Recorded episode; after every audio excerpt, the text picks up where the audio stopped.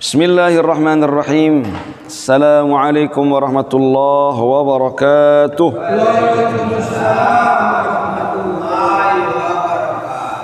الحمد لله والصلاة والسلام على رسول الله وعلى آله وصحبه ومن والاه أما بعد رب اشرح لي صدري ويسر لي أمري واحلل عقدة من لساني يفقهوا قولي. يا فتاح افتح لنا يا عليم علمنا.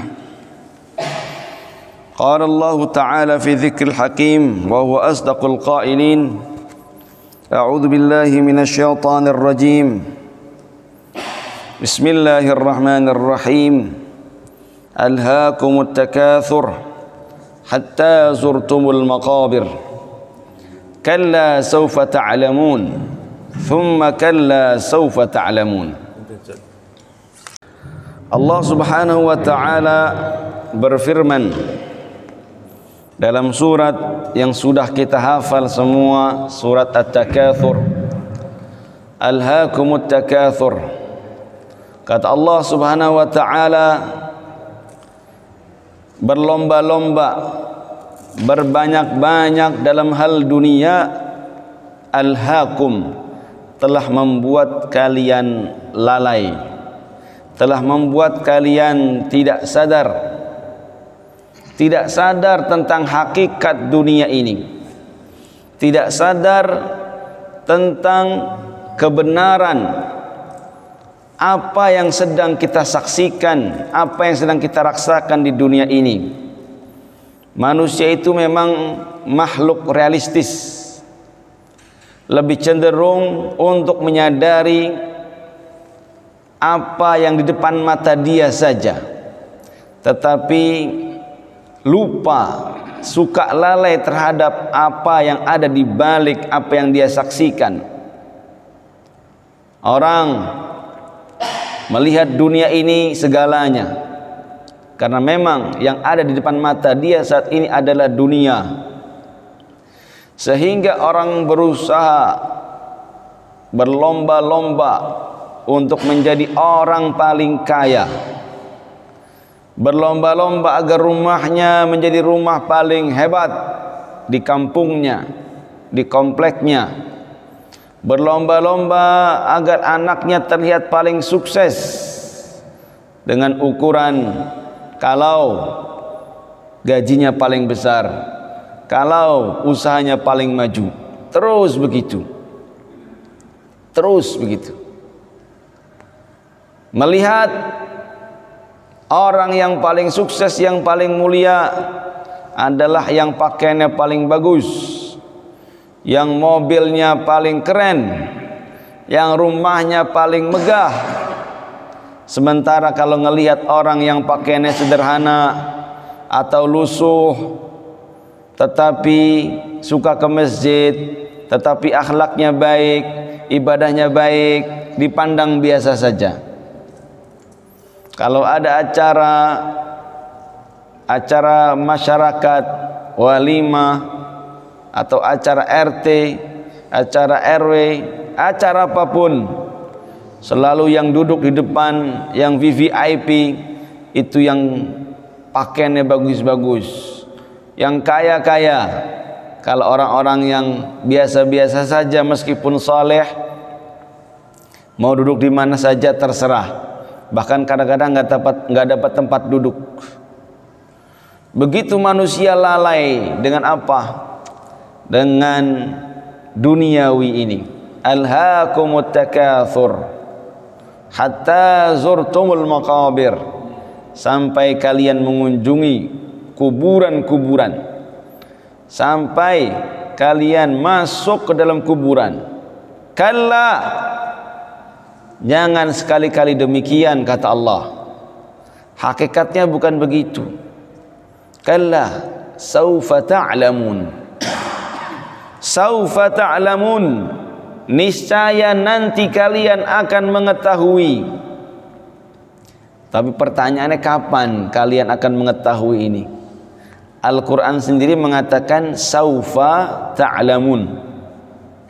Dalam bahasa Arab kata-kata saufa itu kalau kita lihat terjemahan itu artinya akan.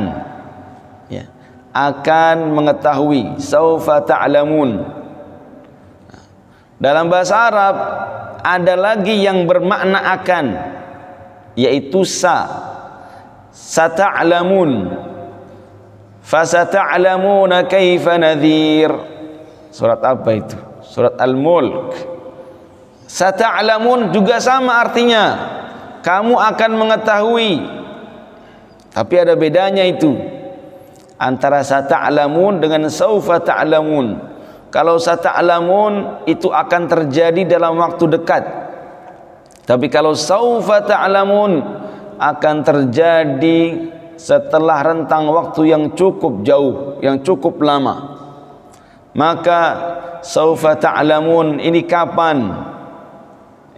Kapan manusia akan sadar akan hakikat apa yang selama ini ia jalani?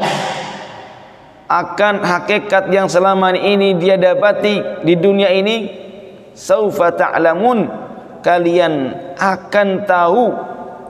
Kalian akan menyadari ketika kita mati. Fasaufa ta'lamun barulah setelah kita mati baru kita sadar oh ternyata selama ini saya salah oh ternyata selama ini keliru. Maka kata Sayyiduna Ali ibn Abi Talib an-nasu niyam. Wa idza matu intabahu. Kata Sayyiduna Ali bin Abi Talib an-nasu niyam. Manusia itu semuanya tidur. Wa idza matu intabahu manusia itu tidur semuanya. Kapan bangunnya? Wa idza matu intabahu. Kalau mati baru mereka bangun. Jadi kata Ali bin Abi Thalib kita ini seperti orang tidur. Orang tidur kan nggak tahu nggak sadar. Nggak ngerti. Kapan kita bangun kapan kita tersadar? Kalau sudah mati kalau sudah mati baru sadar, masuk alam barzah, masuk kubur baru sadar. Oh, ternyata selama ini saya salah. Saya pikir memperjuangkan anak agar masuk sekolah favorit, agar nilainya bagus, les matematika, les biologi, les les les les semuanya itu seakan-akan paling pertama. Seakan-akan paling penting Ternyata ketika masuk kubur yang paling penting adalah ketika mendidik anak dengan agama. Ketika anak bisa mendoakan, bukan bisa apa tidak bisa. Mau apa tidak mau itu dulu. Kalau anak tidak dididik agama, jangankan doain orang tuanya, doain untuk dirinya sendiri aja nggak mau. Karena apa? Menganggap tidak penting doa itu. Kata dia yang penting itu kerja keras. Kerja, kerja, kerja, kerja. Nggak ada doanya. Itu kalau orang nggak ngerti agama begitu. Makanya jangankan doain orang tua. Dia berdoa untuk diri sendiri aja kadang nggak mau. Maka ketika kita sudah masuk kubur, barulah sadar. Oh ternyata yang penting itu bukan yang tadi, bukan yang itu, bukan yang saya lakukan yang penting adalah anak dididik dengan baik.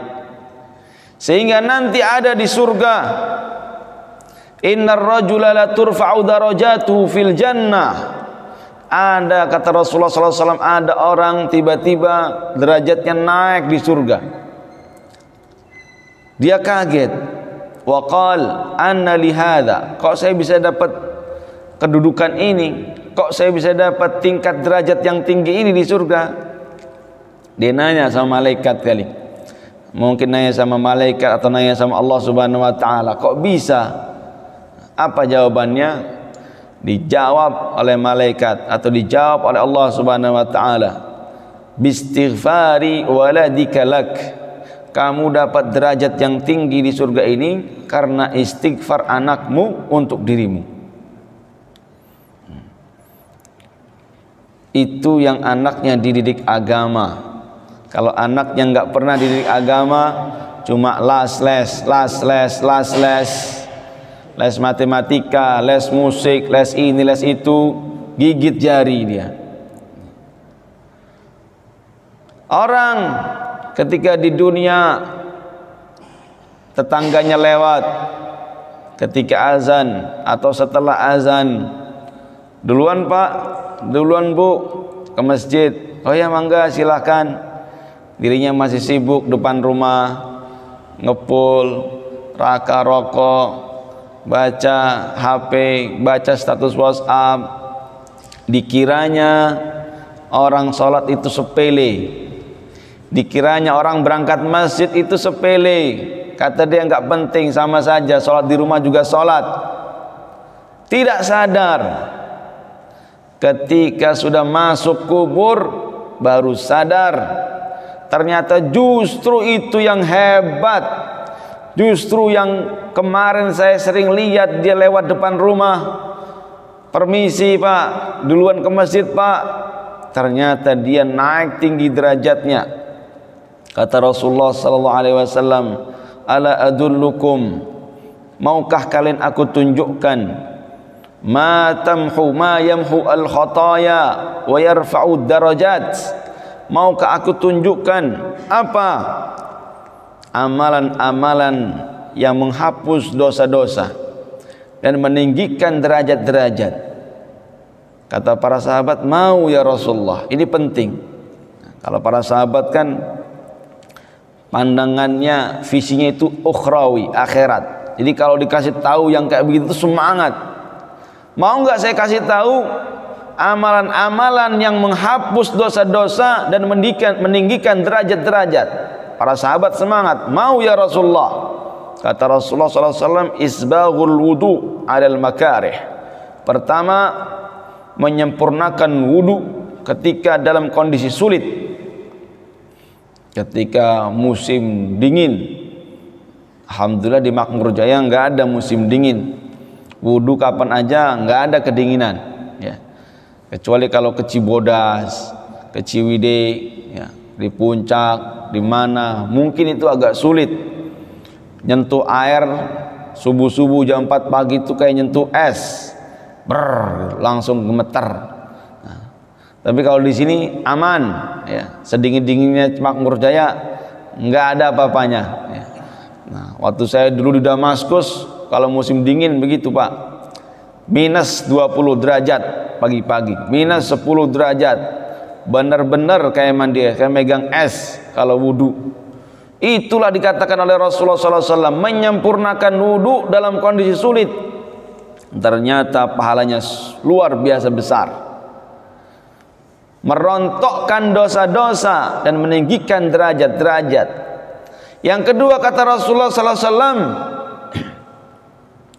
kasratul khuta ilal masajid. Banyak memperbanyak langkah ke masjid. Ya. bukan berarti harus muter-muter dulu ya. Rumah dari gang cendana mau ke masjid muter dulu ke Edelweiss muter dulu ke Legok ke nah, buat apa ke Makmur Jaya? Bukan begitu. Maksudnya sering-sering ke masjid dipanggil salat Allahu Akbar Allahu Akbar berangkat ke masjid. Kasrutul khuta ilal masajid. Dikatakan satu langkah itu menghapus sepuluh dosa dan mengangkat sepuluh derajat. Isbaghul wudu fil makarih wa kathrutul khuta ilal masajid. Memperbanyak langkah ke masjid kata Rasulullah SAW itu diremehkan oleh orang-orang saat ini. Sama aja kata dia sholat di rumah juga sama. Ya. padahal di masjid Masya Allah luar biasa. Kapan nanti akan disadari? Kalau sudah masuk liang kubur baru sadar. Itulah ya ibadallah. Maka kita ini harus banyak-banyak ngaji. Karena dunia ini menipu. Dan setan juga menipu. Wa zayyana lahumus syaitanu ma kanu ya'malun. Setan itu menghiasi amal-amal yang dilakukan oleh manusia. Senangnya apa manusia ini? Senangnya yang bagus-bagus yang enak-enak. Ditambah lagi oleh setan dihiasi lagi jadi tambah terlena. Jadi lupa lupa akan hakikat dunia ini kata Rasulullah SAW kun ka'annaka abiras sabil. Di dunia ini seperti kamu musafir lewat saja. Kalau lewat itu enggak usah repot-repot cuma lewat doang mampir kayak nginep di hotel. Ya nginep di hotel enggak usah beli perabot. Ya kalau lagi di hotel perabotnya paket perabot yang ada di hotel aja. Gak usah repot-repot beli apa lagi beli apa lagi. Secukupnya saja yang pentingnya itu ya nanti di akhirat. Melihat orang yang biasa-biasa saja secara duniawi ternyata soleh ternyata ahlaknya baik itu yang harus kita dekati. Itu harus yang kita dekati. Ya. Jangan karena dia jabatannya tinggi hartanya banyak setiap salaman cium tangan presiden. Anak presiden. Gubernur anak gubernur. Kalau salaman cium tangan. Tapi kalau sama orang yang soleh ya miskin dia mengapain cium tangan? Rugi. Rugi karena nanti di akhirat yang bisa memberi syafaat itu orang soleh. Ada kata Rasulullah SAW yakti yashfa'ur rajulu lil fi'am ada seorang nanti di akhirat memberikan syafaat untuk satu peleton. Banyak. Ada yang memberi syafaat untuk lima orang. Ada yang memberi syafaat untuk tiga orang untuk dua orang. Ada cuma bisa jatahnya satu doang. Ada yang nggak bisa ngasih syafaat pas-pasan amalnya. Tapi kata Rasulullah SAW orang-orang soleh itu memberi syafaat bisa banyak. Tergantung tingkat kesolehannya maka kalau kita dekat-dekat orang soleh itu beruntungnya dikenal oleh dia nanti ketika di akhirat wah orang ini baik sama saya dulu.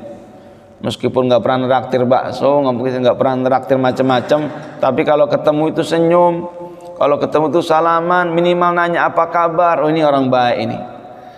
Mau masuk neraka ditarik sama dia di syafaati itu penting siapa yang paling banyak memberi syafaat? Yang paling memberi paling banyak memberi syafaat adalah para rasul dan para nabi. Maka pentingnya kita membaca solawat. Allahumma salli ala sayyidina Muhammadin wa ala ali sayyidina Muhammad terutama hari Jumat. Karena solawat di hari Jumat ma'rudatun alayya kata Rasulullah. Solawat di hari Jumat itu disaksikan dipaparkan dikasih unjuk ke Rasulullah ya Rasulullah ini umatmu yang bersolawat kepadamu. Maka dikenal nanti oleh Nabi Muhammad SAW dapat syafaat. Yang kedua yang beri syafaat kata Rasulullah SAW al ulama para ulama. Maka penting dekat sama ulama itu. Nah, ulama di Banten siapa di Serang siapa orang-orang soleh siapa. Nah, kalau zaman dulu Zaman dulu orang-orang tua dulu kita kakek-kakek dulu setiap momentum kayak lebaran itu yang dikunjungi bukan cuma orang tua. Yang dikunjungi itu ulama selain orang tua, ulama. Dan kalau di Jawa di Jawa Timur itu masih ada begitu tuh. Kalau hari Idul Fitri atau Idul Adha itu bertruk-truk datang dari mana-mana, datang ke rumah kiai. Kita santrinya itu masya Allah nyiapin apa nama itu Suguhan-suguhan itu repot karena yang datang ribuan. Itu adatnya begitu. Karena apa? Penting dekat dengan ulama, minimal sering ketemu, ngelihat, wah ini dulu jamaah saya ini. Ketika nanti di akhirat mau masuk neraka disyafaati oleh ulama. Yang ketiga paling banyak memberi syafaat adalah syuhada. Syuhada itu dalam sebuah riwayat menyebutkan memberikan syafaat untuk 70 orang. Paling orang punya keluarga berapa sih? 20, 30. Nah, itu syafaat buat keluarganya. Sisanya kan buat yang dia kenal. Kalau nggak kenal gimana mau dikasih syafaat? Nah, itulah yang suka kita lalai di dunia ini. Kita lebih sering menghormati orang yang berpangkat berharta tapi tidak menghormati, tidak memuliakan orang-orang soleh yang secara tampilan biasa-biasa saja. Jangan sampai sadarnya telat. Kita harus sadarnya sekarang. Jangan seperti tadi yang dikatakan surat At-Takasur tadi. Saufa ta'lamun. Kata Ali bin Abi Thalib, "Annasu niyam." Manusia itu tidur. Sadarnya kapan? Kalau udah mati. Itu terlambat kalau sadarnya sudah mati sadarnya sekarang kita sadari kalau dekat kalau sering dengar kajian kan enak begini oh begitu hakikatnya tahu ya. Maka orang-orang yang di sini insya Allah ini orang-orang yang sadar semua. Orang-orang yang soleh semua. Amin ya rabbal alamin. Kita berdoa kepada Allah subhanahu wa ta'ala. Semoga Allah subhanahu wa ta'ala menjaga hati kita untuk istiqamah. Selalu memberikan kita al-afiyah dan al-mu'afah. Keselamatan kesehatan fid dini wa dunya wal akhirah baik di agama dalam aspek agama dalam aspek dunia dan dalam aspek akhirat. Kita doakan saudara-saudara kita tetangga kita yang sakit Allah berikan kesembuhan. Yang terlilit hutang Allah berikan kemampuan untuk membayar hutang. Yang tertimpa musibah Allah berikan kekuatan kesabaran untuk menghadapi musibah tersebut. Ala hadhihi niyyah wa ala kulli niyatin salihah ila hadratin nabiyil mustafa rasulillah sallallahu alaihi wasallam al-fatihah